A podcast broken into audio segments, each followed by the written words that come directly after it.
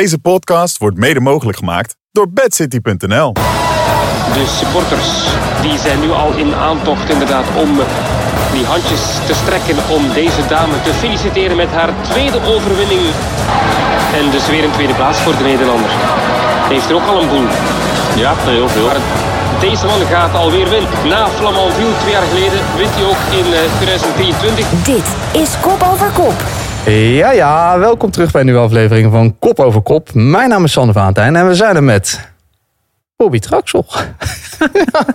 dat is het, Bobby. Iedereen is ziek. Jan die had al gezegd, had eerder al aangegeven dat hij zich niet lekker voelt op wetenschap Jan. En toen vanochtend hoorden we, Jeroen, wat had hij nou ook last van zijn keel? Te veel uitzendingen gedaan dit weekend.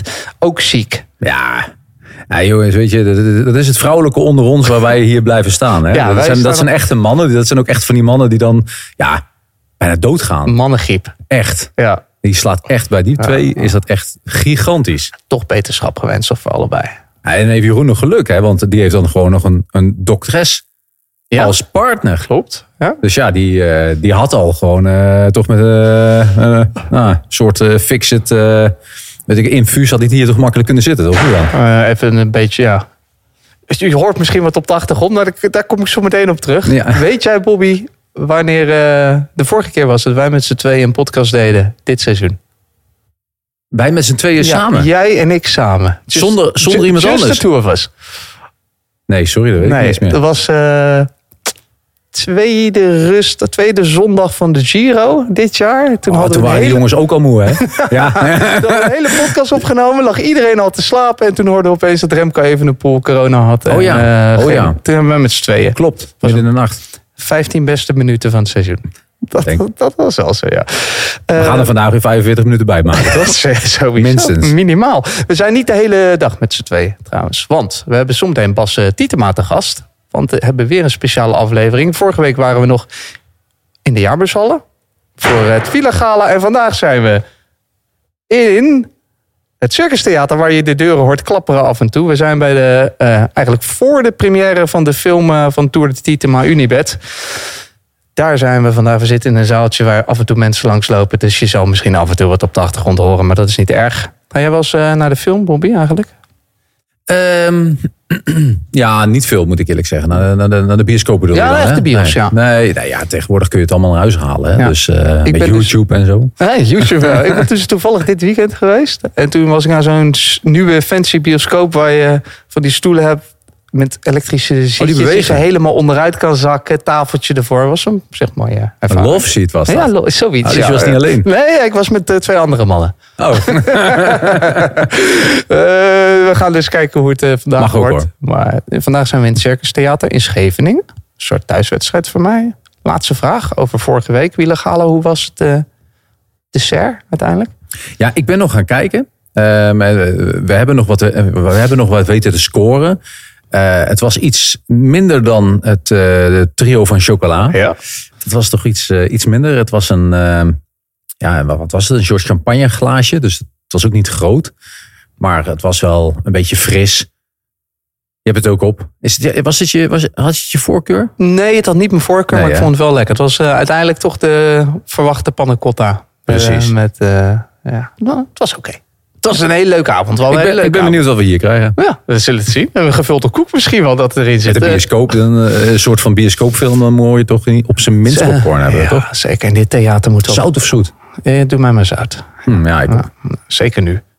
Een iets andere aflevering dan normaal dus. Met z'n tweeën, maar niet de hele tijd. Want we hebben zometeen Bas Tietema die aanschuift. Eh, daarna doen we het nieuws. En eh, tot slot hebben we ons eh, vaste crossblokje.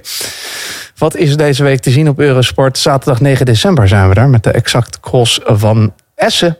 En zondag 10 december is er weer een wereldbeker in Val d'Isol. Daar gaan we het zo meteen over hebben in ons eh, crosskwartiertje. Als we een kwartiertje gaan redden. Maar nu eerst verder met Pas en Tour de Tietema. Ja, en we gaan door. Want we zijn vandaag dus op een eh, bijzondere plek voor een bijzondere dag. Vandaag gaat eh, het eerste jaar van de, de Tour de Tietema Unibet, het team. De film gaat in première. En we hebben daar eh, voor niemand minder dan Bas Tietema hemzelf aan de microfoon. Een eh, spannende dag voor jou vandaag, Bas. hele spannende dag. Niet alleen voor mij, maar voor, voor iedereen. Voor de mensen die de film gemaakt hebben. Nou, die gaan eh, straks eh, hun, eh, hun prachtwerk eh, met de meest kritische toeschouwers hier mogen bekijken. Nee, voor iedereen is het een eh, mooie eh, bekroning op het jaar. Ja, wat, met hoeveel mensen hebben jullie hier aan gewerkt? Ehm, ja, uiteindelijk met iedereen. Of het nou renners zijn die overrolspelers zijn van het verhaal. Tot aan eh, mensen die uiteindelijk de video moeten maken. En dat is ondertussen ons bedrijf, organisatie, 70 man groot. Ik denk dat iedereen er op zijn manier of haar manier een steentje aan heeft bijgedragen.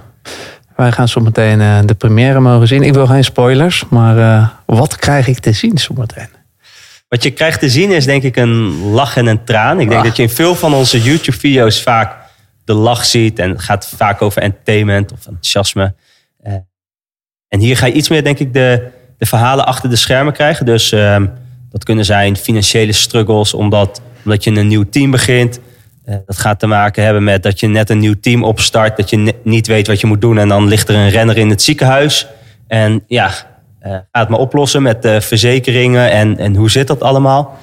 Ehm, maar je gaat ook successen krijgen dat wij eh, ja, in ons eerste jaar in één keer een grote wedstrijd weten te winnen tegen alle profs. En ja, daarin word je meegenomen. Het wordt niet een, een, we gaan niet het kalender af. Dus dat we beginnen. Het wordt Ja, geen ja. jaaroverzicht. Ja. Maar eigenlijk een, een kijkje achter de schermen bij eh, verschillende hoofdstukken die wij beleefd hebben dit jaar. En is het een soort van eh, verzameld werk van de ja, kortere content die jullie normaal maken? Of is het echt een film aan zich?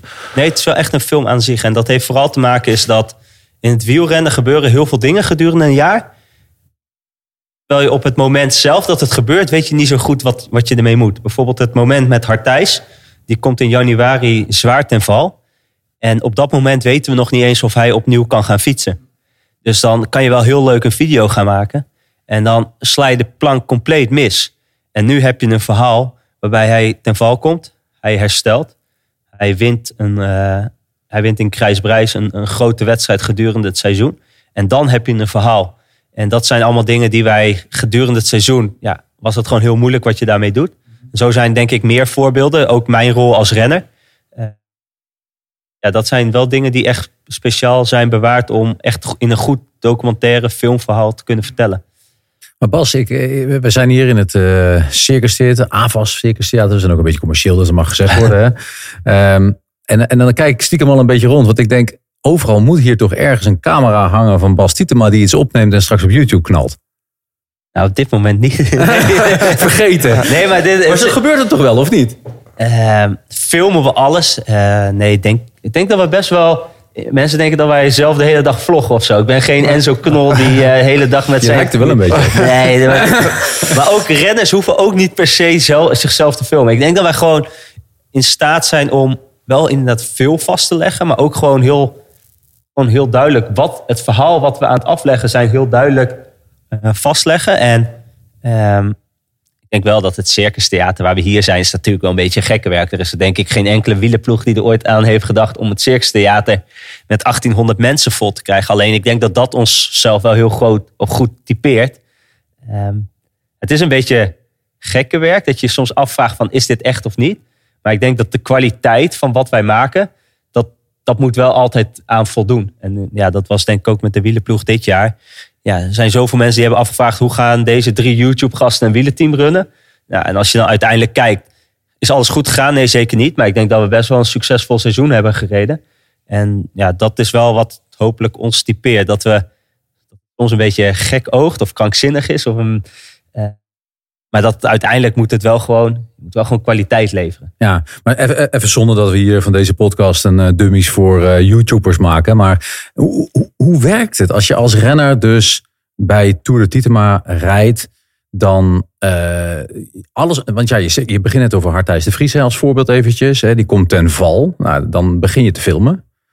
Dat ga je dan op dat moment niet gebruiken. Want je zegt zelf van ja, we willen daar niet ja, het gewicht daar zo zwaar maken rondom Hartijs de Vries. Maar nu kunnen we het wel mooi gebruiken. Dat betekent wel dat je het allemaal moet opnemen. En daar constant mee moet bezig zijn. Dat is, je geeft aan een organisatie van 70 man. Nou, dan rij je 16 wielrenners afgelopen jaar.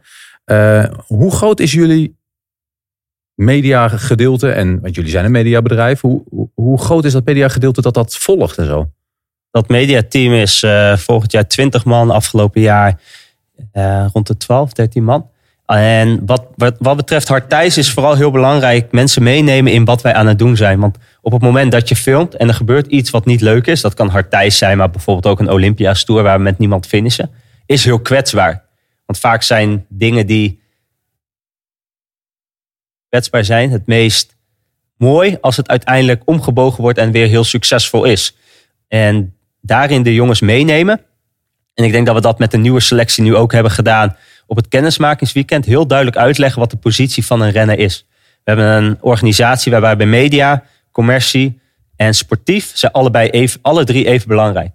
Dat is misschien wat tegenovergesteld van hoe dat vaak is, waarbij het sportieve staat bovenaan en alles staat in dienst om die performance en die prestatie mogelijk te maken. Ja. Dat betekent niet dat die performance niet belangrijk is, maar het mediateam is net zo belangrijk. Die staat niet in dienst om die renners qua persberichten. Nee, uiteindelijk gaan we hier een film zien en gaan we volgend jaar misschien wildcards krijgen.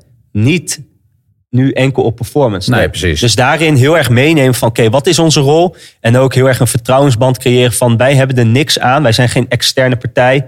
Wij zijn hetzelfde team met hetzelfde doel. En dat is niet om iemand te beschadigen. En dat is ook dat je soms keuzes maakt van oké, deze content is heel mooi. Maar misschien niet toepasselijk voor dit moment. Ja, en, maar je zegt zelf, hè, van, eh, weet je, we gaan misschien wildcards krijgen. Niet op het feit dat we sportief technisch zo interessant zijn, maar vooral mediawaarde technisch. Dat is eigenlijk wat je dan probeert te zeggen. Ik denk dat wij sportief moeten wij zeker goed genoeg zijn. Dus het is niet dat wij sportief niet goed genoeg zijn. Alleen op dit moment, hoe worden wildcards toegekend? Is vaak omdat dezelfde sponsor als van de ploeg ook sponsor wordt van de organisatie. Kan zijn omdat, eh, omdat er één individueel hele bekende renner bij een ploeg zit. En die willen ze graag hebben omdat die ooit in het verleden goed heeft gepresteerd. Of, of een uithangbord is van, van, van de sport. En ik denk dat wij ook een sportief heel goed team hebben. Maar wat brengen wij mee? Niet één individu of geen geld of, of, of wat dan ook. Nee, ik denk dat wij een enorme ehm, toegevoegde waarde kunnen zijn wat betreft de, ja, het amusement en de animo rondom een evenement qua fans die wij Een veel meesturen. completer pakket. Want je weet ook van ja, eh, als je het op basis van kwaliteiten moet hebben, dan is dat nog niet het geval dat je die wildcard in de, de Ronde van Vlaanderen krijgt bijvoorbeeld. Kwaliteit, nou, dat, dat weet ik niet. Kwaliteit weet ik niet, omdat wij veel renners hebben die nog niet de prestaties in het verleden hebben gepresteerd. Ja. Ten opzichte van dat wij renners aannemen die prestaties in het verleden hebben gedaan. Maar dat, dus daar, Ja, dus op, ja. op basis daarvan worden wildcards. Hè? Het Ja. is niet dat, eh, dat er een ploeg wordt uitgenodigd omdat hij eh, nou, acht know-hows heeft. Het is vaak door Precies. één iemand erin te hebben. Ja, Eh, exact. Je neemt een ik- Fransman aan of in Frankrijk. Ja, en ik denk dat wij heel veel talentvolle renners hebben. Maar inderdaad, ik kan me voorstellen dat mensen die deze podcast luisteren, dat, ze voor de eerste keer de selectie zagen, dat ze wel dachten van, hm, wat zijn deze jongens? Maar misschien als je er dieper ingraaft, dan zie je wel dat het allemaal talentvolle jongens zijn. Ja. Maar ik snap ook, ehm, voor het grotere publiek zijn dit niet de namen waarvoor je meestal een wildcard, wildcard ontvangt. Zoals dat eh, in de geschiedenis vaker is gebeurd. Nee, nee maar die, die wildcards ook. Hè? Want ik denk ook echt dat eh, eh, als ik een organisator zou zijn, dan zou ik ook Tour de Titema uitnodigen. En niet alleen omdat we, A, ze, presteren leuk en zitten mee in de kopgroep. Hè? Want zitten inderdaad, er wordt gewoon goed gereden, klaar. Ehm, op, op het niveau wat ze nu hebben laten zien. Eh, maar twee, het is gewoon commercieel gewoon een hele interessante waarde. Dus de wielersport hebben jullie ook een klein beetje daarmee opgeschrikt. Van hey, die, ehm, ook die organisaties dachten altijd van, nou, ik wil een Tour de France organiseren. Want het werd alleen maar lastiger. Hè? Je hebt het ook gemerkt dit jaar, denk ik. En het tweede is van, ja, dan kijken ze alleen maar naar wie kan er dan in de kopgroep zitten. En hoe belangrijk is dan bijvoorbeeld eh, voor een cross, ehm Rijnkamp of nou, eh, wie dan ook, die dan gewoon veel interessanter kan zijn, zeg maar. Ja. Jullie brengen daarin gewoon veel meer return of investment van jullie deelname.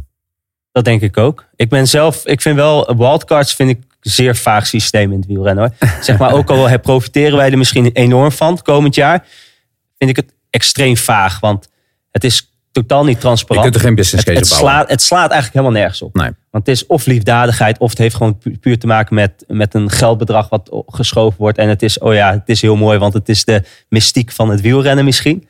Maar het is totaal niet transparant, want je weet niet, hoe kom ik in aanmerking? Geen idee. Ja. En zeggen, ja, ben je bezig met wildcards?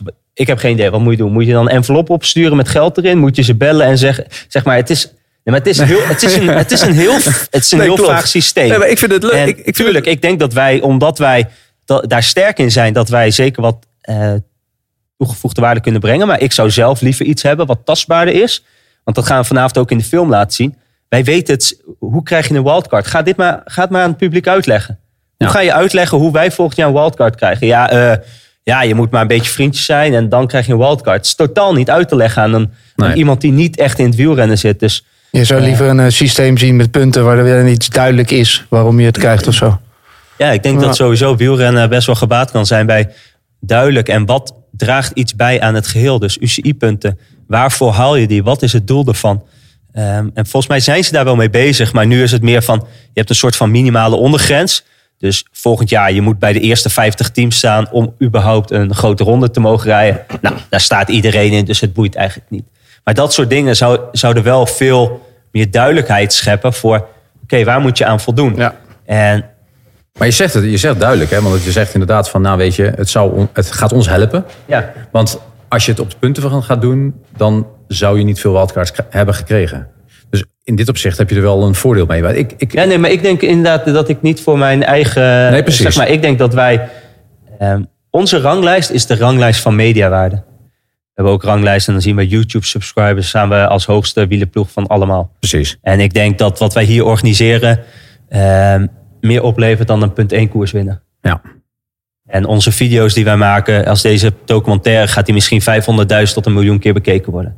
En dat is hoe, hoe ik ernaar kijk. Maar zie jij, zie jij jezelf ook in die functie? Want eh, weet je, je, je hebt eigenlijk de wielerwereld een klein beetje opgeschud door ehm, als, als YouTuber. En misschien sla ik het nu een beetje te, te, te klein. Hè? Want een YouTuber is tegenwoordig een grotere held als ik naar mijn kinderen mag kijken. Ik zelf, ik weet die de knop YouTube niet eens te vinden. Maar dat zegt wel iets over mijn leeftijd. Maar mijn kinderen wel. Maar je hebt van YouTuber heb je een, eh, een- commerciële wielerploeg weer ehm, daarnaast noem je nu bijvoorbeeld van ja, weet je, het is voor mij heel onduidelijk van die wildcards, daar moet er iets in gebeuren. Vorige week op het wielergala stonden we even met elkaar te praten, hadden we het over prijzengeld. De- er zijn best wel een paar dingen waarmee je zegt van hé, hey, jongens, laten we nou eens anders gaan kijken naar de wielersport. Voel je daar je ook een moraalridder voor dat je dat moet gaan doen? Om totaal anders naar de business case te kijken? Niet per se anders. Ik vind ook wel gewoon, er zijn veel dingen ook gewoon goed. Zijn ook denk ik, zijn gewoon veel dingen goed. En de vraag eigenlijk die je stelt is, ik denk dat juist de kracht is dat wij eigenlijk vanaf de zijkant doen wat wij doen. En dat wij op die manier heel snel groeien. En dat mensen een beetje het als een soort vreemde eend in de bijt zien. Maar wel zien van, oeh, ze maken wel stappen. En dat vind ik soms lastig als je in het systeem komt. Zijn er zoveel mensen die iets vinden. En ik denk dat het heel toepasselijk Ga maar eens naar een oude avond op een school waarbij iedereen wat vindt. En daar één, één keuze van maken. Iedereen vindt wel wat. Nou, dan een beetje, nou, als je wielrennen al wat langer volgt, is het natuurlijk. Je hebt gewoon heel veel stakeholders. Dus het, het systeem veranderen door middel van de politieke weg is heel moeilijk. Ja. En ik denk dat er heel veel mogelijkheden zijn, los van het. Maar een YouTube-kanaal kan iedereen, eens, iedereen starten. Iedereen heeft het op dit moment over de televisierechten die eerlijk verdeeld moeten worden. Fair punt. Vind ik niks mee. Vind, vind prima. Maar op dit moment heb je als wielerploeg heb je niet echt leverage ten opzichte van hoe de verdeling is.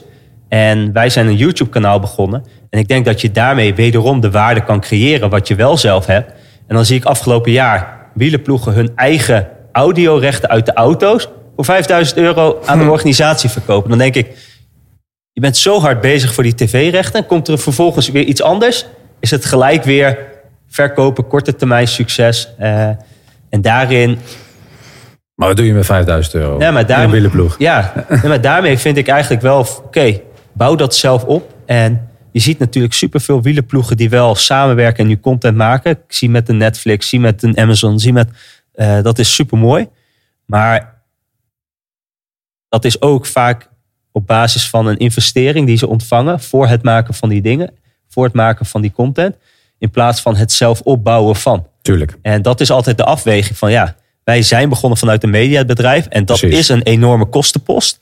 Maar is denk ik wel op lange termijn hetgeen wat rendeert. Denk ook. En op dit moment, als ik dan soms vacatures voorbij zie komen van social media managers of media managers bij wielerploegen. En ik zie het scala aan facetten die dat zo'n manager of zo'n social media manager moet doen. Van, van externe media tot zelfs video's maken tot social post. En dan denk ik, ja, bij ons hebben we 15, 20 man. Dan kan je wat. Maar in je eentje, ja, dat, ga, dat gaat je niet lukken. En dat heeft denk ik vooral te maken met prioriteit. En dan terugkomend op je vraag, ben ik, ik vind de rol aan de zijkant. Waardoor je zelf de beschikking hebt op keuzes te maken. En niet per se eh, alle belangen, iedereen moet spreken om, om, om iets voor elkaar te krijgen. Nou, vind ik wel fijn. Maar wat je, wat je kan met je, kijk, je hebt een, een, een soort van power aan het, je bent een soort van power aan het opbouwen eh, vanuit de, eh, de wortels in de grond. hè. Net wat ik zeg, mijn kinderen kijken vaak en die krijgen dit allemaal mee. Maar je, hebt natuurlijk, je zegt ik wil de politieke weg niet gaan, maar dit is absoluut de, de volledig andere kant om toch het politiek te gaan bedrijven via de, de invloed van je fans. Is, is het je bedoeling om ook straks in het Engels te gaan? Want uiteindelijk, dat is je. Is er nog heel veel. eh, Wat ik eigenlijk wil vragen, is er zoveel groeipotentie nog in Nederland? Of is de gewoon volgende groeipotentie om een echte wielerploeg en misschien naar die World Tour te gaan? Is dat dan Engelstalig? Engelstalig gaat sowieso gebeuren door de samenstelling van het team. We hebben heel lang getwijfeld van, gaan wij echt Engels spreken? Want dan wordt het echt van, hello, good morning, welcome to a new video. En dat is, Soms beter. dat is misschien wel voor de kijkers, maar wordt het dan authentieker? Zijn diezelfde 1800 man die hier in de zaal zitten, die denken nog steeds, ah, dit is de chemie waarvoor ik ben begonnen met kijken? Dat weet ik niet. Maar op het moment dat het voertaal in het team Engels wordt, maar je kan wel je authenticiteit en je identiteit bewaren, dat is denk ik de ideale mix. Nou, Ik hoop het wel hoor, want Dus, ik zit liever eh, volgende keer in, eh, in Las Vegas dan hier hoor. Ja, dus, nee, dus eh, volgend, eh, volgend jaar zeker dat vanaf, eh, vanaf de teamsamenstelling met, gaat het veel meer Engelstalig worden. En dan blijft het misschien met Nederlandse stukken ertussen. Maar is dat een doel op zich? Om Engelstalig te worden. De groei, hoe zie je, we hebben het nu alleen over podcast, we moeten straks ook nog even over je ploeg praten. Maar ho- hoe zie je groeipotentie nog met je, met, met, met, met, ehm, met je, met je, met je mediabedrijf, laten we het zo even zien. Ja. Om dus uiteindelijk straks niet meer afhankelijk te zijn van bijvoorbeeld Uniwet. Ja. Want dat is de, de groei die je een beetje zou moeten gaan maken. Of aan het maken bent. Groei is denk ik altijd belangrijk. Dat je altijd moet kijken naar de groei. En ik denk dat er heel veel groei in zit op de manier hoe wij video's aan het maken zijn. In combinatie met de groei die we doormaken op sportief gebied. En als dat samen met elkaar gaat. Want eigenlijk het doel van, oké, we zijn begonnen met filmpjes maken in de Tour. Uiteindelijk het doel is 26 Tour de France. Hebben we nog echt heel veel voor ons. Ja. En ik denk dat de combinatie van grotere wedstrijden. Want waarom zijn de video's die wij maken tijdens de Tour zoveel bekeken? Omdat dan sportwereld Nou, naar natuurlijk wielersport kijkt. Ja, Nou, als wij op dat moment ook de content kunnen maken die we nu maken over Nobody Cares Krijs Prijs. Denk ik dat die, die content wordt nu ook 200.000 keer bekeken. Nou, en dan denk ik dat die in één keer een veelvoud wordt bekeken. Ja. En daarom geloof ik wel dat, als, dat we moeten blijven doen wat we nu aan het doen zijn. En dat daar zeker groei in zit. En dat kan zowel zijn qua eh, massa niet-wielerfans, wel wielerfans. Maar ook inderdaad internationaal of, of, of lokaal. Ja. Het Zijn is allemaal sportief, hè? Dit is hoe, sportief. hoe hij Ja, zijn, ja. zijn bedrijf of zijn wielerploeg eigenlijk eh, financiert. Dus uiteindelijk is dat een hele... Ja, ik, ik- ja, Bas weet ook dat ik daar heel lang al mee bezig ben. Dat ik het heel belangrijk vind. Omdat ik natuurlijk een aantal keer zo'n ploeg heb gehad... waarvan een van die sponsors stopte. En dat je op de straat stond omdat ze niks georganiseerd hadden... en geen bedrijf hebben gerund. En deze man is met meer een bedrijf bezig. Eh, Bas moeten vragen voor ons item eh keiharde businessplannen. voor om het businessplannen wielrennen de rendabel te maken. Ja.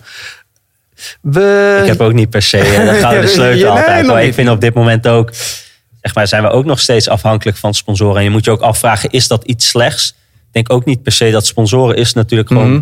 denk ik, helemaal hoeveel organische sponsoren je hebt in het wielrennen.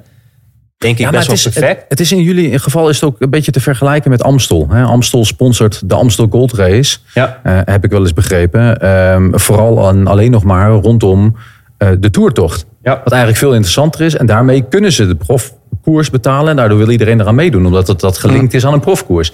En dat is in jullie geval ook. Want eh, de sponsoren alleen, die zijn niet op zoek naar alleen maar de prestatie of de overwinning. Maar vooral ook het bereik van jullie hele achterban. Want dat is veel groter. En, en, En dat voor- is zijn waarde. En voor hun video's die wij maken, worden gewoon zoveel keer bekeken. Daar zijn gewoon CPM-tarieven voor. Wat Ja, alle aan media, dat is meer... Het uitrekenen. Ja, dat is Ja. meer het. Oké, we kunnen een krantenadvertentie doen. We kunnen tv-campagne inkopen. We kunnen kiezen voor eh, internetadvertenties. Of we kunnen eh, zichtbaar zijn in een YouTube-kanaal. En dat is een compleet andere pot van budgetten die er zijn bij, bij, bij MKB of bij grotere, grotere bedrijven dan het stukje sponsoring. Want sponsoring is iets wat niet tastbaar is, staat Precies. niet in de plannen. Dus daar moet altijd een uitzondering voor gemaakt worden. Terwijl die YouTube-video's kan je veel gerichter targeten. dat lukt bij ons voor de Tour de France altijd nog beter. Want dan zie je ook dat bepaalde merken willen adverteren rondom de Tour de France. Maar die zie je echt, die boeit een overwinning, boeit ze niet. Ze boeit meer gewoon, oké, hoeveel, hoeveel views gaan jullie halen op dat YouTube-kanaal? Precies. Ehm, want dat kunnen ze tastbaar maken, dat kunnen ze, en daarom kunnen ze een case bouwen. Eh, dus ja, dat is wel heel anders dan. Dus we hebben ook inderdaad, de inkomsten zijn inderdaad mediagedeelte. En sommigen willen gewoon traditioneel meer vanuit de, vanuit de wielenhoek sponsoring aanvliegen. Volgend jaar veel nieuwe renners erbij. Wat zijn een beetje de verwachtingen voor jou voor volgend jaar? Waar kijk je naar uit meer? Niet van, nou, ik wil dat er dit gaat gebeuren. Maar wat denk je van, nou, met deze ploeg kunnen we wel... Waar ik naar uitkijk is, ik begin, of ik ben dit jaar begonnen rondom mei. En ik begonnen met, kijk, oké, wat zijn renners die we zouden willen toevoegen aan het team wat we hebben? Ik denk dat we in Nederlandse, Belgische wedstrijden echt zeer goed hebben gereden. Maar ik heb ook gezien in Tour of Britain op welke gebieden we tekort kwamen. En daarmee heb ik met Julia gezeten. En dan kom je met renners die vierde worden in Val d'Aosta. Een hele grote, eh, een soort Tour de l'Avenir, jeugd Tour de France, maar dan in Italië. En dan ben je bezig met renners en die hebben nu aangetrokken. Dat is Charlie Pates of Cedric Christoffersen, Noor. En als je dan kijkt hoe die bezig zijn, dan denk ik van oké, we kunnen net zoals we dit jaar gedaan hebben, volgend jaar ook wel eens gaan verrassen. En we hebben een jonge Sepp Given. Die werd in Tour of Britain werd die zesde of vijfde algemeen achter, achter alle World Tour, eh, de toppers van de World Tour teams. Nou, als wij dan volgend jaar hopelijk in het Nieuwsblad kunnen rijden of andere Vlaamse koersen. Dan hoop ik niet dat wij eh, gewoon in de ontsnapping zitten omdat wij maar zichtbaar willen zijn. Ja, ja. Nee, dat wij zichtbaar kunnen zijn op een, op een moment van de koers dat het er echt toe doet. Dus ja, daar kijk ik naar uit en ik denk dat we dat kunnen.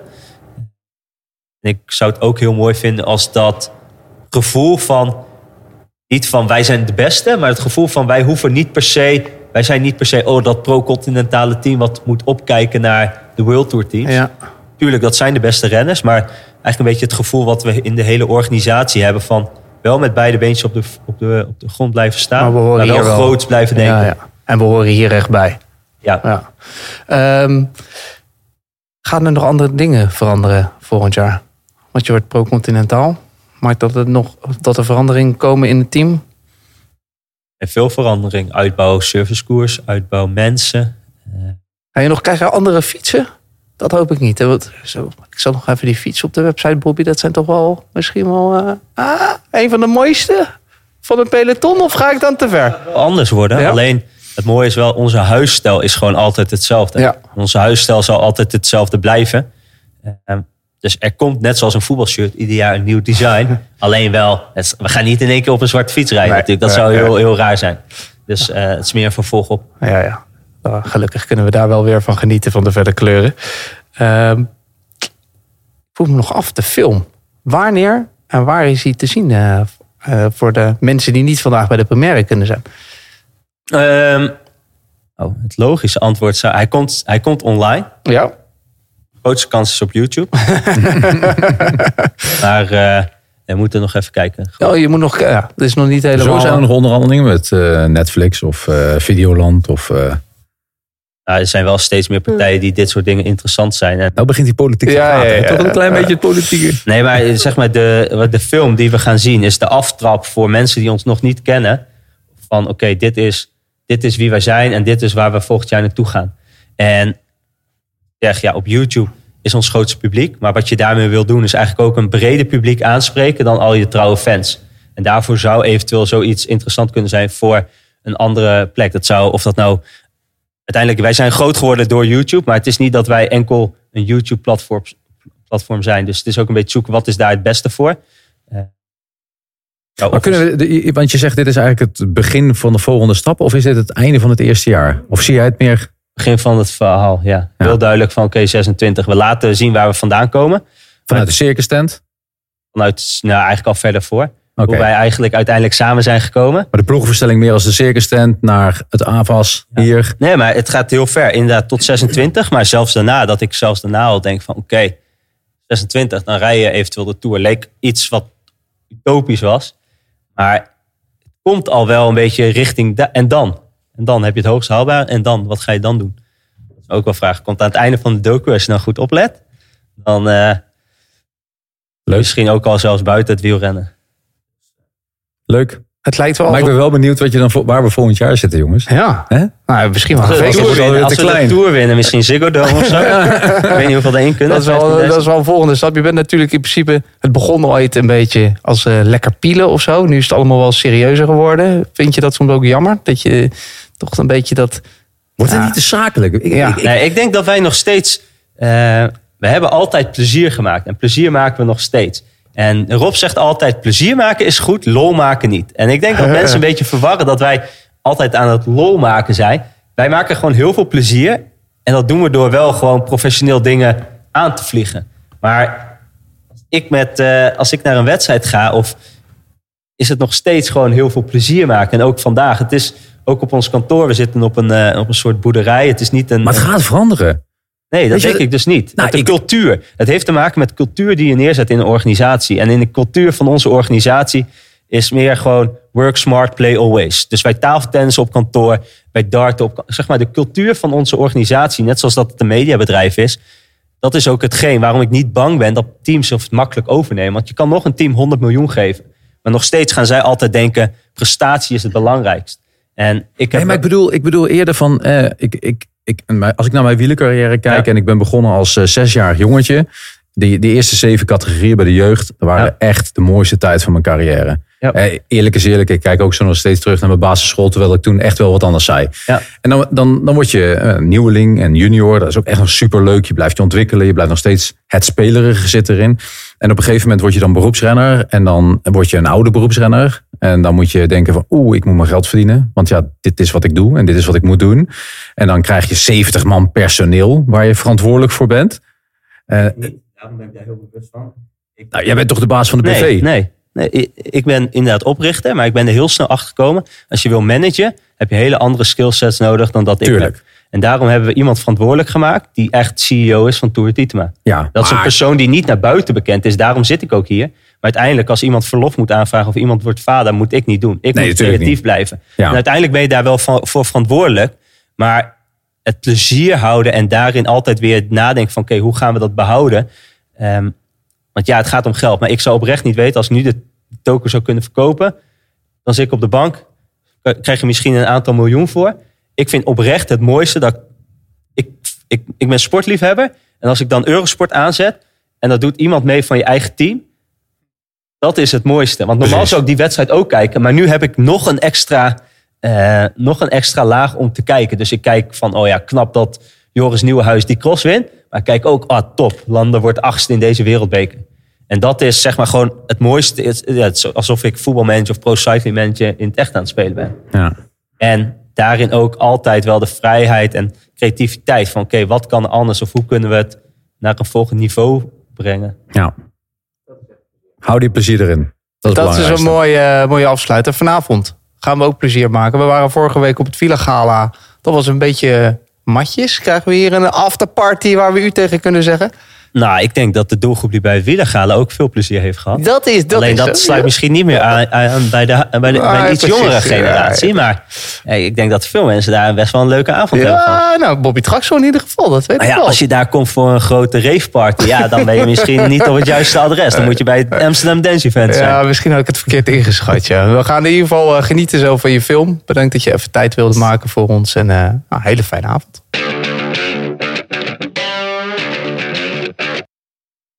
Dat was Bas. We kunnen nu eh, verder met het nieuws, Bobby. Zijn we weer met z'n tweeën, just the two of us. Was een leuk gesprek, net even met Bas. Ja, leuk. Ehm, en- en wat je ook wel echt hoort in het verhaal is dat er eh, vooral gekeken wordt naar eh, de duurzaamheid ook van, van de ploeg en van zijn bedrijf. Hè? Ja. Want uiteindelijk ziet hij het als een mediabedrijf en niet als een, eh, alleen maar een wielenploegje. Het is een onderdeel van zijn bedrijf. En dat is toch wel echt een, een totaal andere kijk ten opzichte van, eh, van, de- van de wielenploegen die aan het, eh, ja, aan het werk zijn. Hij is echt aan het eh, pionieren en heeft een idee over de sport. Dus Slimme jongen met een echte visie op de We hadden hem eigenlijk moeten laten la- zitten voor het nieuws gewoon. Had hij misschien ook zijn mening over kunnen geven. misschien.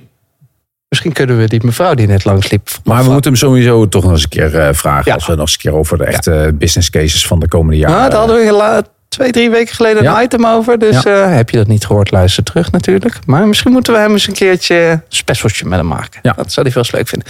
Wij gaan het nieuws doen. En dat gaan we even samen doen. We hadden Decathlon Age Desert. Nieuw oud team, nieuwe naam erbij, nieuw jasje.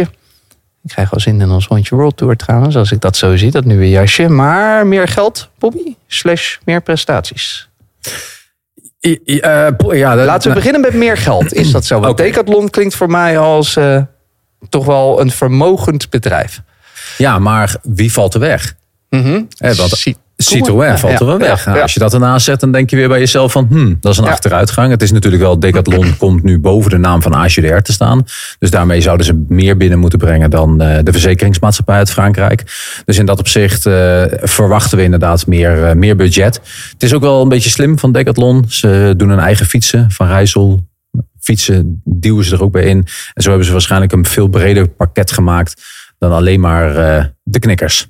En wat zijn dat voor gevolgen voor deze ploeg, denk je? Nou, op dit moment natuurlijk nog niet heel erg veel. Hè. Uiteindelijk komt dit op een moment dat je al klaar bent met je ploeg neer te zetten. Dus je zult de gevolgen nu nog niet gaan zien. Eh, je zult vooral gaan zien dat vanaf volgend jaar waarschijnlijk eh, ja, iets anders gekeken wordt. Al moet ik zeggen, de Franse ploegen zijn altijd al redelijk duur hoor. En ook als je naar de Franse ploegen kijkt. Het is met Decathlon heb je dan wel een partij. Dat had je volgens mij ook echt met Citroën ook kunnen doen. En de, de, de kruidenier in het hele ja, verhaal blijft AGDR. Die alleen maar verzekeringen verkoopt in Frankrijk. Maar zowel Citroën als Decathlon zijn natuurlijk internationale bedrijven. Die ja, veel meer aan zo'n partnership hebben dan ja, een kleinere lokale partij. En als je zegt duur, wat bedoel je dan? Dat ze hoge kosten hebben, de Franse teams? Of dat ze... Ja, ehm, nou ja, als we het wel eens hebben. Je weet dat ik natuurlijk hier en daar ook nog wel eens doe voor de, voor de Belangenvereniging van beroepswielrenners. En dan hebben we het vaak over de vakbond. ja. Maar als we Ja. het over vakbonden in Frankrijk hebben, Ja. nou, daar liggen ze hier in Frankrijk al eh, heel snel wakker hoor. Ja, dat begrijp ik, ja. Ehm, het pakje, Bobby, laten we het daar even over hebben. Heb je het al gezien? Ja, Kon niet slechter worden? Of, eh, dat was in ieder geval de broek niet. Maar eh, nou, ik, ik vond het ook wel mooi dat ze al heel lang eenzelfde soort identiteit hadden van zichtbaarheid. En dat verandert nu wel eh, compleet met echt het Maar een blauwe identiteit als team, dat ontbreekt er een beetje aan. Van, wat is dit nou voor team? Waar staan ze voor? Wat willen ze? Willen ze goed zijn in grote rondes? Goed zijn in klassiekers? Ik weet het niet. Nee, ja, dat is, eh, en, en het is ook een van de grootste ploegen. Alleen zo presteren ze dan eigenlijk nooit in Frankrijk. Eh, een paar jaar geleden hadden ze echt een supergoed jaar. En dan dacht je van nou, daar komt de volgende stap. Ja, en die kwam er dan ook niet. Dan is dat eh, nou, de Franse arrogantie die dan ervoor zorgt dat, het, dat die stap niet komt. En identiteit, ja, ze willen eigenlijk gewoon alles. En daardoor lukt het ze gewoon niet. Hè. We hadden net Bas Tietema hier. En die is heel duidelijk van oké, dit is de lijn hoe we dat gaan doen. En zo gaan we het aanpakken. En het is bij, eh, bij bij deze ploeg, eh, Decathlon, AGDR, ja, blijft het gewoon dat ze ja, blijkbaar alles willen gaan doen. Ze willen een klassement rijden met, eh, met, met, met, een, met een Engels sprekende coureur. Ze willen dan ook eigenlijk toch nog de Ronde van Vlaanderen winnen met, nou, nou laten we het toch nog eens een keer proberen met Ja. Oliver Nazen. Ja. Ander nieuws, leuk nieuws vond ik dit. Het NK vindt volgend jaar plaats in Arnhem. Start en finish daar in de stad, maar ook de postbank zit erin. Ben ik ook wel eens overheen gereden. Is dat nou een bergje in jouw ogen waar eh, sprinters het lastig op kunnen krijgen? Nee, ik denk niet dat, eh, dat je. De, opvolging maakt het Ja, lastig. ja, Hè? Dus ja. één keer de postbank, dat gaat echt niet het eh, verschil nee. maken. Of de Emma-pyramide, of eh, hoe ze daar ook allemaal heten. Dat gaat het verschil niet maken. Het gaat juist de, de opvolging gaat de wedstrijd lastig maken. En daar, daar is de potentie. Nou, hoef je echt niet hele grote bergen voor te hebben. Dit soort klimmetjes kunnen daar heel goed aan, eh, aan meewerken. En het is mooi, want eh, we weten nu ook al onze locatie voor onze eh, barbecue, toch? Mm, bovenop de postbank? Nou, lijkt me wel, toch? Mag volgens mij niet. Het mag. Echt, mag je op bovenop de postbank barbecuen? Who cares? We gaan het gewoon doen. Nou, we hebben nu wel echt de smaak te pakken met eh podcasts op locatie. Dus Ik vind het eh, echt we- veel leuker. Ah, laten we dat blijven doen. Laten we dat blijven doen. Ehm, de Tour start 2025. Gaan we daar dan ook in? Lijkt me een goed plan. Het is in eh Liel of Ja, Rijssel. Het is in de buurt. Dus dat zou gewoon kunnen. We, vorige, nou, twee weken geleden hadden we het er volgens mij al over. Maar nu weten we iets meer over de etappes. Het ziet er naar uit, Bobby, dat het eh, eerste geel van een echte sprinter gaat worden.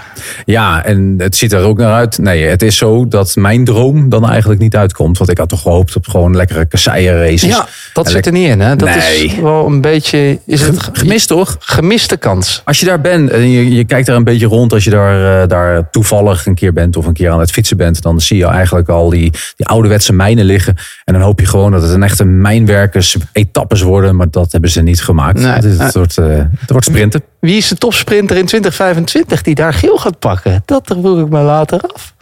Zo, wie zit er nu? Ah, Ja, We- Weet je, je ik, ik, durf, ik vind het zo moeilijk om te zeggen met sprinters hoe, hoe überhaupt hoe ze zich ontwikkelen. Want het ene jaar is eh, A is heel erg goed. En hoeven geen rekening mee te houden met Cavendish. En twee jaar later is Cavendish de grote held in de Tour de France. Ja. Die mannen die zijn zo prikkelbaar. Als ze, als ze geprikkeld worden door hun eh, management, door de ploegleiding, eh, door zichzelf, omdat ze een tegenvallend jaar hebben gehad. Of juist dat ze hun oude ploeg nog eens een keer verschut willen zetten. Hè, denk aan Demar. Ja, dan zijn dat allemaal zo van die prikkels Ja. waarvan je eigenlijk niet kan zeggen die gaat stabiel te reageren. Dat heb je met klassementsmannen veel makkelijker. Maar ja, als je dan vraagt, eh, nou ja, het zal wat zijn hè, als DSM. eh, oh, ja. of moet ik PostNL DSM zeggen? De Firmenich. Firmenich DSM PostNL. Ja, maakt niet tegen uit. die tijd is misschien Jacobsen mag gewoon lekker sprinten. We hebben nog twee eh, ritten daar. Ehm, ik weet niet of je er meer over kan vertellen wat voor etappes dat zijn. Maar ik voel me wel af. Het wordt wel denk ik een beetje een nerveuze start. Ja, nee, zeker. Het is in de, de hele streek is het, eh, is het altijd nerveus rijden. De, de, cultuur, net wat ik eigenlijk net zei, is echt de, de mijnwerkerscultuur. Die natuurlijk daar in de stad rondom Lille echt wel een serieuze metropool is. Ja, dan weet je dat de eerste dagen het verschil niet groot gemaakt gaat worden. Dus dan heb je A, de omstandigheden die er zijn van een grote stad. En ook die omgeving die er is. Waardoor het nerveus kan worden. En twee, de verschillen zijn nog niet gemaakt. Wat we afgelopen jaar in Bilbao toch wat sneller wat, wat Ja. rust zagen Ja. in, eh, in, het, eh, in de tourpeloton. Ja, dat zal nu wel weer wat langer duren. En dan ja, hoop je maar niet dat er grote valpartijen gebeuren. Mm. En daarna kunnen we maar één kant op, richting de Vergezen, denk ik. Ja, dan blijft het nerveus. Ja. Heerlijk. Ah, dan krijgen we wel een heerlijke eerste week. Dat Ja, zeker. Als je die kant op kan rijden, dan... Door, eh, even door de Champagne-streek heb je ook nog wel een paar mooie Ja. eh, klimmetjes. Waar je dan Oh. toch nog. Oh, toch nog? Hebben ze het niet de kassei gedaan? Dan gaan ze dan toch die dat rondom... zou, nee, misschien hè. In 2024 krijgen we ook al gravel. Dus dan Ja. hebben ze daarvan geleerd. zou mooi zijn. Of zullen ze dan gewoon naar beneden rijden en echt richting de kust? En dan waaiers. Bretagne. Oh ja, ja. Zijn we ook al Bretagne weer in. En dan, en dan hups met een treintje over naar eh Pyreneeën. En dan eh, zou ik nog kunnen. Zouden dat, bij, dat zou ook een mooie job zijn hoor. Wat? Nou, wij zo'n parcours maken. Ja. Kijk, de eerste keer ben je afhankelijk van het geld. Wie betaalt nou het meeste geld? Eh, nou, daar ga je naartoe en dan mag je een mooi, mooi koersje gaan maken. Zou, ja, zou, zou ik wel leuk vinden. Ja. Gewoon een beetje tekenen. Ik zou het kastelenboek ook wel eens willen maken. We hebben ander nieuws nog. Een eh, interview met de ploegpaas van eh, Visma, Lisa Bike. Eigenlijk moeten we nog eh, Jumbo-Visma zeggen. Op het moment, zij aan de kijkers vorige week. Hij was in gesprek met HNL. zijn plannen voor 2024 bekendgemaakt. Toen zei hij iets opvallends over het pech van Van Aert in Roubaix. Hij zei, wij zien lekrijden niet als pech, maar moeten zorgen dat het niet gebeurt. Hij bedoelde daarmee eigenlijk een beetje te zeggen... we moeten zorgen dat het materiaal zo op orde is... dat ons dat niet kan overkomen. Is dat mogelijk, materiaalman Bobby? Nee, ja, ik, ik denk dat als Van Aert lek rijdt, dat ehm, elke andere renner uit zijn ploeg daar had lek gereden. Ehm, dus ik ben het daar niet helemaal mee eens. Ik snap, ik snap hoe ze dat zien en ik vind het ook heel mooi dat hij het zo zegt. Maar uiteindelijk hoop je toch met elkaar dat het altijd pech is. Want, Ja. want er is toch niemand ontslagen doordat hij lekker band was. Of er is niemand ontslagen Nee. doordat de pechmoment van Roglic was. eh, in de Giro, waar het ons allemaal nog spannender werd. dus denk dat soort momenten blijf je houden. En hij, hij, hij, hij bedoelt te zeggen, we moeten 100% gefocust blijven... dat de kans zo klein mogelijk wordt om pech te krijgen. Elk detail moet eh, eigenlijk gecoverd Ja. zijn. En dat is goed, hè? Ja. Goed streven. En met die instelling moet het in 2024 toch wel een keer gaan lukken. Zo'n eh, groot voorjaarsklassieker binnen te halen. Ja, misschien Gent Wevergem. dat zou een heerlijke zijn. Ja, we gaan het zien. Eh, over Van Aert. Hij gaat naar de Giro. Hij heeft eh, wel gezegd in een eh, andere podcast... eh, ik weet niet zeker of ik ga, maar als ik ga, ga ik niet voor een klassement. Denk ik. Dat lijkt me een logische keuze. Verstandig. Verstandig, ja. Heel verstandig. Gelukkig ook voor ons. Want ik denk dat er echt een, krijgen we echt een saaie van aard. Een saaie Van Aert. En we willen geen saaie Giro, Nee. Bobby. Daar hebben we geen zin in. Daar zitten we nu al naar uit te kijken, die Zeker. Giro. Eh, ander nieuws. We gaan het in het crosskwartiertje zo nog uitgebreid hebben over Tom Pitcock. Deel van zijn programma voor 2024 is bekendgemaakt op de Spelen. Trouwens ook te volgen bij Eurosport. Van eh, start tot finish, elke dag. Alles. Spelen. Alles, alles kan je Het is zien. net wielrennen. Ook op, de, ja, op Discovery Plus alles te zien. Dus eh, wordt weer genieten. Kan je ook zien hoe eh, Pitcock zowel eh, op de weg als op mountainbike gaat rijden. Is zo'n dubbel überhaupt mogelijk? Ja, ik, ik denk dat het mogelijk zou kunnen zijn voor een aantal van die speciale mannen. En daar hoort Pitcock bij, daar hoort Van, van der Poel bij. Dat zijn mannen die dat zouden kunnen doen, theoretisch gezien. Eh, dat het lastig is en dat, ja, dat zoveel wedstrijden en zoveel sport in het algemeen op zo'n hele korte periode wordt, wordt afgewerkt. Ja, dat betekent dat alles heel dicht op elkaar zit. En dat er dan dus ook niks tussen mag komen. Dus je mag niet een foutje maken en je moet gewoon die periode echt goed blijven. Ja, en eh, ja, vooral eh, ver buiten het, eh, ja, het, eh, het Olympic Park blijven. Mathieu van der Poel gaat natuurlijk ook de dubbel doen, denk ik. Hè? Ja, nou ja, dat zeg ik. Hè. Dat zijn allemaal situaties als, als, en en- kijken ja, hoe het ja. wikken en wegen. En, en Van der Poel heeft nog meer zorgen. Ik zie wel nog een podcast op locatie aankomen. Ja, Parijs. Parijs, ja. Ik denk dat we ergens wel een, eh, een, eh, locatie kunnen vinden. Ja, misschien moeten we mensen van Eurosport een keertje lief aankijken. Ja, goed dan. Moet kunnen, toch? Ja, misschien loopt Tegenwoordig, eh, er is ook, ja, er is ook alweer vervanger voor eh, met de trein naar Parijs gaan om alleen maar met de TGV te gaan of zo. Dus heb je ook wel een low budget, Ja. kleine Ja. Ryanair-achtige eh, trein. Dus eh, waarom Een, Ryanair-achtige trein naar... ja, eh, zeker. eh, een tientje kan je naar Parijs tegenwoordig eh, vanaf het nieuwe jaar. Of we nemen een boemeltreintje naar Jeroen en rijden vanaf daar met hem mee. Dus die kinderen zeiden tegen mij al gelijk van, nou dat is mooi pa, dan kunnen we mooi naar de tourfinish. Ja, is dat toch eh, Ja. niet zo? Ja. Ja, maar dat is een stukje vliegen, ja. Ehm, tot slot van het nieuws, nog even terug naar Pitcock. Eh, hij zegt eh, dat hij na een enigszins mislukt, tussen aanhalingstekens Vlaams voorjaar, gaat hij zich toch echt op die heuvelklassiekers richten. Weet jij nu, als ik nu aan je vraag, waar echt die specialiteit van Pitcock ligt op de weg?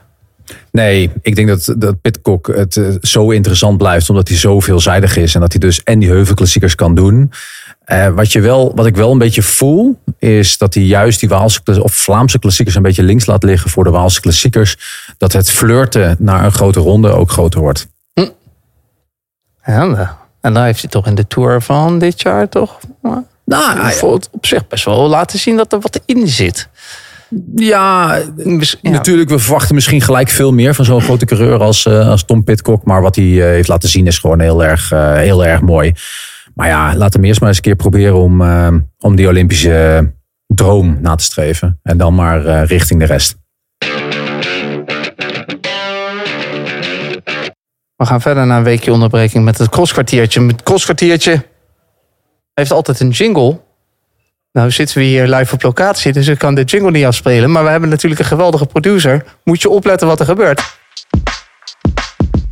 En kokzijde op je palmares, daar mag je trots op zijn. Jim is voor de leidende wereldbeker. De chouchou van Vlaanderen kwam, zag en overwon. Het crosskwartiertje. Prachtig, toch? Hij was er gewoon. Dat was er gewoon. Ja, die Fabian die kan echt alles. Dus, Oh, eh, heerlijk. Dat zit er weer heerlijk in. We gaan eh, nabeschouwen, Bobby. Ik ga ook de tijd meteen starten. Als, ik, als we een kwartier nu samen over de cross kunnen praten... dan hebben we dat ook alweer heel goed gedaan. Zaterdag hadden we Mag je super... toch? Ja. Elk weekend kun je er toch makkelijk een kwartier. Dus We zouden een elke, kwartiertje. elk weekend een half uur over kunnen praten. Maar daarom doen we een kwartiertje. Anders we laten we ook snel doorgaan, want we hebben gewoon te weinig tijd. We hebben maar een kwartiertje. Super prestigeboom. We beginnen bij de vrouwen. Want eindelijk eh, de grote drie. Daar in actie. Van Empel, Pietersen en Van Androoy. Toch weer eh, was het eh, ja, eigenlijk niets te doen aan Fem. Hoe kan dat nou? Nou ja, Fem zit natuurlijk al echt wel gefocust in, eh, in het crossseizoen. Eh is natuurlijk al een fantastische renster. Dat hebben we al gezien met heel veel grote potentie. En niet alleen in de, in de cross, in de toekomst ook al eh, op de weg. Ehm, dus Fem is sowieso al echt wel goed en specifiek ook bezig met het, met het crossen. Nou, als je dat bij Van Androoy ziet met haar wegprogramma wat ze heeft gereden in combinatie met het crossen dan weet je ook, en ook vorig jaar was er natuurlijk eentje die vaak er tegenaan tikte, maar niet met de twee andere grote eh, kon eh, vergelijken. Ehm, en Puk Pietersen komt net pas de cross in, dus die moet gewoon even die switch maken. Maar moet misschien ook in haar hoofd een klein beetje een switch maken, omdat ze natuurlijk één groot doel heeft. En dat heeft ze vorige week in het Wielergala wel gezegd. En dat is natuurlijk die Olympische titel Ja. op de mountainbike. Ah. En dat, daar mag alles voor wijken. Ja, dus we hoeven ons niet echt zorgen te maken nog om de vorm van Puk Pietersen. Die moet gewoon weer eventjes een beetje inkomen, denk je. Ja, ik ben er niet bang voor. Alvarado was er niet. Vanwege ziekte. Ja. Is dat eh, de dolk door haar eh, klassement hier? Met de Super Prestige?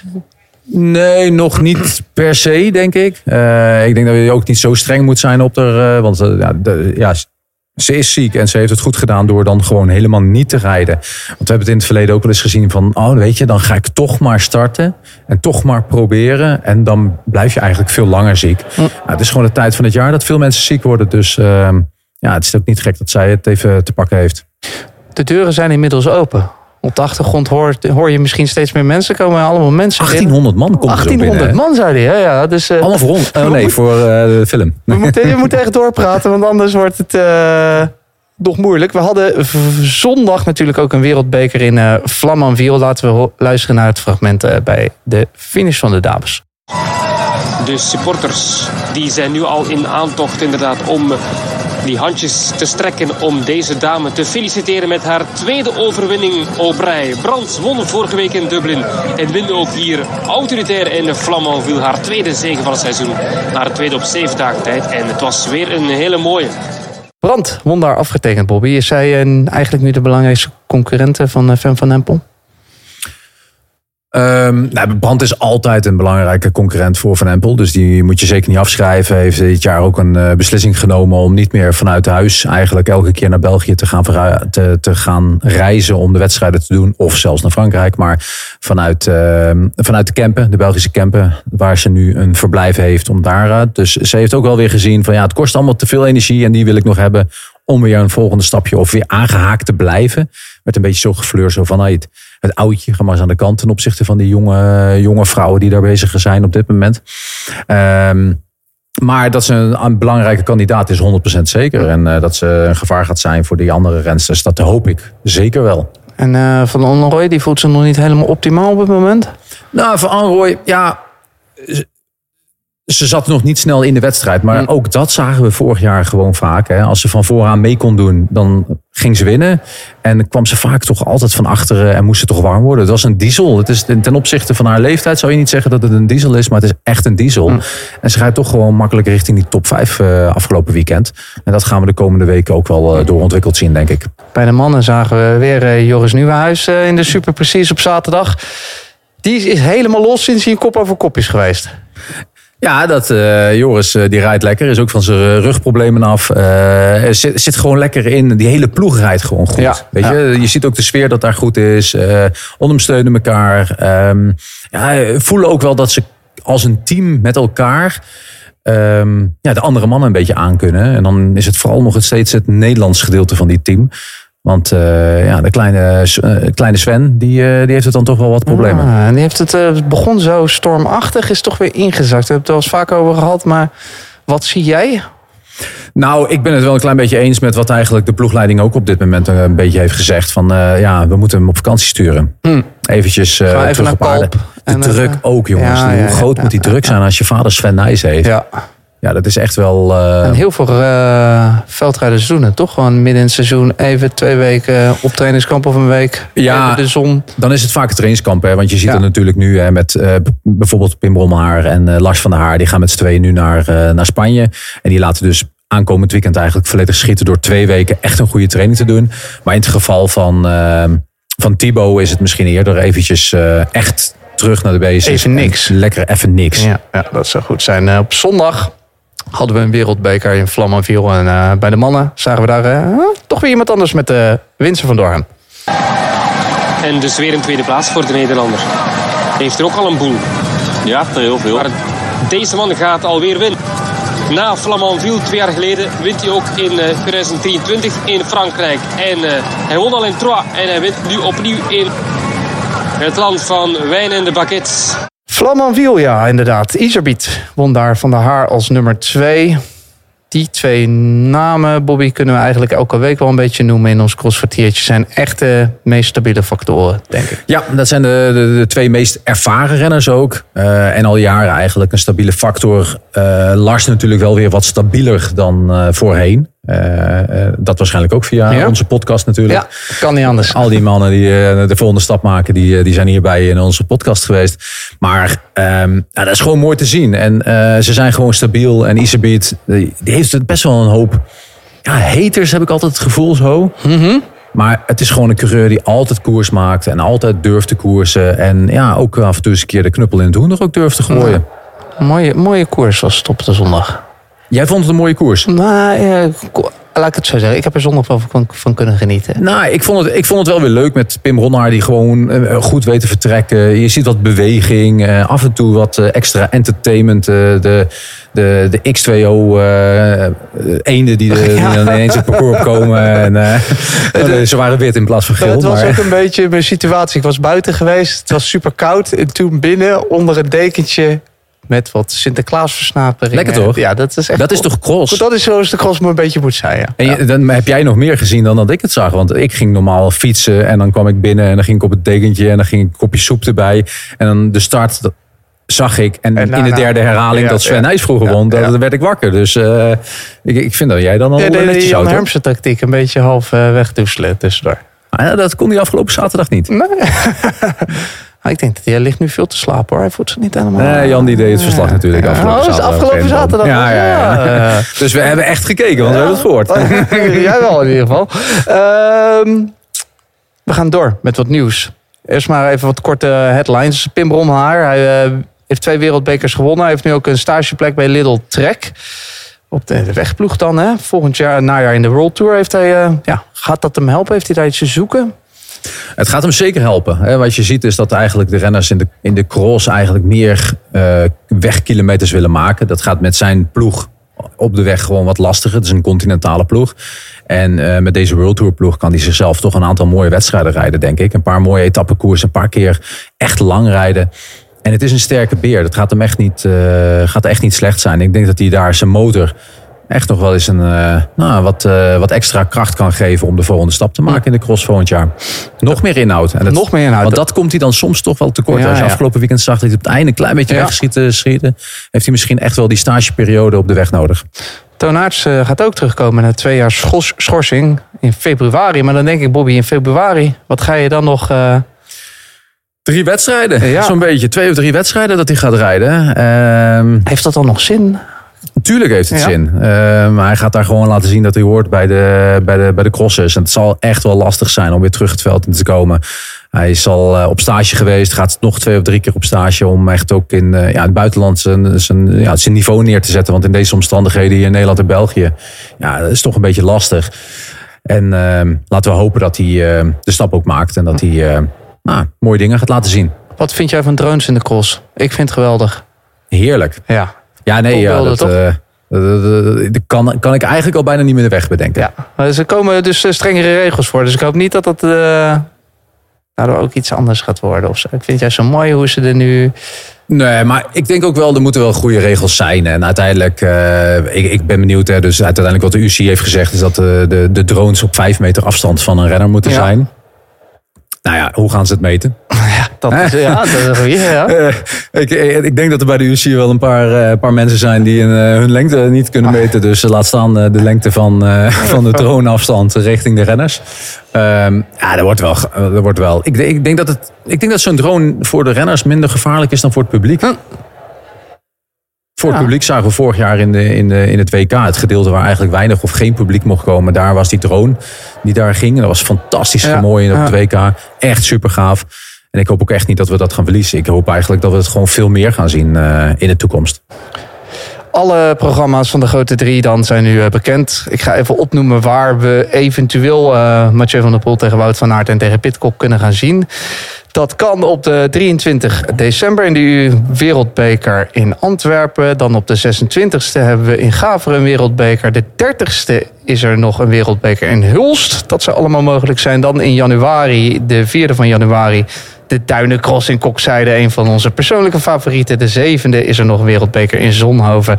En dan tot slot trekken we naar Benidorm. Wie weet, op de 21ste. Welke cross moeten we hiervan omcirkelen? Onze favoriete duinencross? Want het is op een donderdag, hè? Nou, ik, ik, ik, ik ga om cirkel Benidorm, want ik ga daar kijken. hè. Ga je daarheen? Ik ga erheen. Ik, Dus- ik voel een eh, podcast, Een podcast. nou, je bent uitgenodigd. Maar eh, nee, ik ga daar naartoe. Dus eh, ik hoop daar... En welke grote... hoedanigheden ga je daar zijn dan? Ik ga lekker kijken. Je gaat gewoon echt als fan naar Benidorm. Ik ben altijd fan. Ja, dat is Ik ga er ook lekker fietsen in Ja. die week. Oké, en welke Dus- ga je thuis echt voor zitten, denk je? Ehm ah, misschien toch kokzijde, weet Oh, je wel. Dat is toch een speciale... Gaaf op Maar tweede kerstdag. Uiteindelijk, wat je, wat je nu ziet en wat je opnoemt... waar deze grote mannen naartoe gaan... het zijn bijna allemaal wereldbekers. mooi. Denk je dat de UCI daar blij mee is? Ja. ja, of geld gekost heeft. Of dat het geld gekost heeft. Of beide. Ah, ja, dat, zou ten slotte, dat zou kunnen. Ten slotte eh, Mathieu van der Poel. Hij zei eh, bij Wielerflits dat hij toch nog een beetje zorgen heeft over zijn rug. En dat hij misschien toch wel echt de crosswind over gaat slaan. Dat, dat zal toch niet? Ja, dan hou je je hart helemaal eh, vast natuurlijk. Want eh, dat zou je natuurlijk niet willen. Eh, Van der Poel is natuurlijk een grote reclame. En die wil je gewoon in de cross hebben. Net als, een, net, net als Van Aert en net als Pitcock. En die mannen die wil je gewoon zoveel mogelijk zien. Omdat ik dat ook gewoon zelf leuk vind. Maar als zijn problemen voor zijn rug. En misschien ook de planning voor een seizoen. Of misschien eens een keer een andere planning van een seizoen. Als dat het in de weg staat. Dan moet hij daar wel keuzes in gaan maken. Maar ja, die rug, dat blijft een probleem.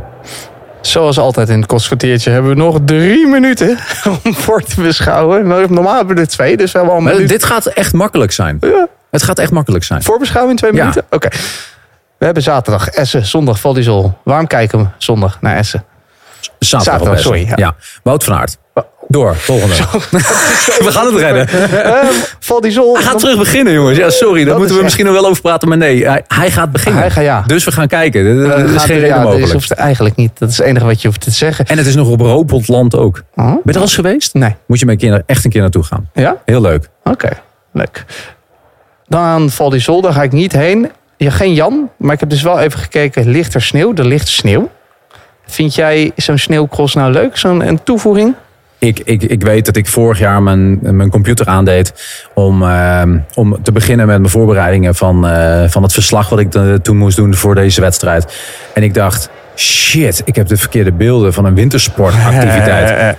En toen dacht ik, nee, dit is Val di Sol. Ik vind het gaaf. Ik vind Ja. het echt super gaaf. Dus dit weekend is gewoon twee dagen blokken voor de cross. Nou, een heerlijk weekend. Zaterdag 9 december, half twee. De exact cross in Essen. En dan zondag eh, de wereldbeker in Val di Sol. En dat was het crosskwartiertje binnen de tijd. Met Maar ook binnen die twee minuten. Maar jij Binnen maakt die het- twee minuten. Ja, zie We je. hebben zelfs nog een minuut over. We kunnen het nog daarom. ergens over hebben. Ja. Ga je nog iets anders doen in Benidorm? En gewoon lekker fietsen. Oh, je gaat fietsen? Ja. Met, ga je met de familie? Of, het nee, nee, nee, nee. kan niet, hè? Ja, je hebt ook eh, wat, hoe heet dat, de schoolverplichtingen van, Ja, van, ja, de kinderen. Dus dat kan niet. Nee, dat kan Dus niet. nee, die zijn niet mee. Top, zou ik zeggen. Ga je alleen dan? Nee, dat ook niet. Oh. Dus, nee, ik ga, lekker, ik ga lekker met een groepje mensen fietsen. En, en ja, ja, goed gepland dat ik dus ook eventjes lekker naar de cross in, in Benidorm ga kijken. Leuk. En ik zit zelfs te twijfelen om naar Tabor te rijden. Naar Tabor voor het WK. Voor de WK. Ja. Zo. Van het Benidorm. Nee, dat dan niet. Ik ga wel naar huis. Maar dan, eh, ik zit er echt aan te denken om eh, met de camper lekker naar, eh oh, ja, dat zou naar. Tabor te rijden. Goed, Bobby. Nog een podcast. Geweldig gedaan. Dit was het voor deze week. Het begint hier nu echt vol te worden. We hebben zelfs een beetje publiek. Mensen kijken, wat gebeurt daar? Een podcast, kop over kop. Ja, je mag wel gewoon eerlijk zijn. Er zijn al drie mensen voor jou gestaan om een handtekening. Ja, eh, dat eh, gaat gebeuren. Dus eh, we kunnen de fans niet laten, langer laten wachten, zou ik zeggen. Eh, kop over kop zit erop. Zoals ik al zei, zaterdag 9 december hebben we de Exact Cross in Essen. Op zondag een wereldbeker in Val di Zol. Volgende week, dan zijn we er weer. Dan hopelijk wel gewoon met Jeroen en wie weet zelfs met Jan. We zien het wel weer wie er volgende week allemaal zijn. En een gewone aflevering. En dat is dan bijna een van de laatste van het jaar. Want de weken daarna hebben we alweer de Wieler Awards, Bobby. Daar kijken we ook heel erg naar uit. Daar heb ik echt veel zin in. En uiteindelijk, deze podcast gaat altijd door als jij maar niet ziek bent.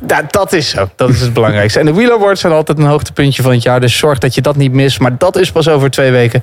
Volgende week gewoon nog een normale aflevering. Tot dan! Deze podcast werd mede mogelijk gemaakt door bedcity.nl.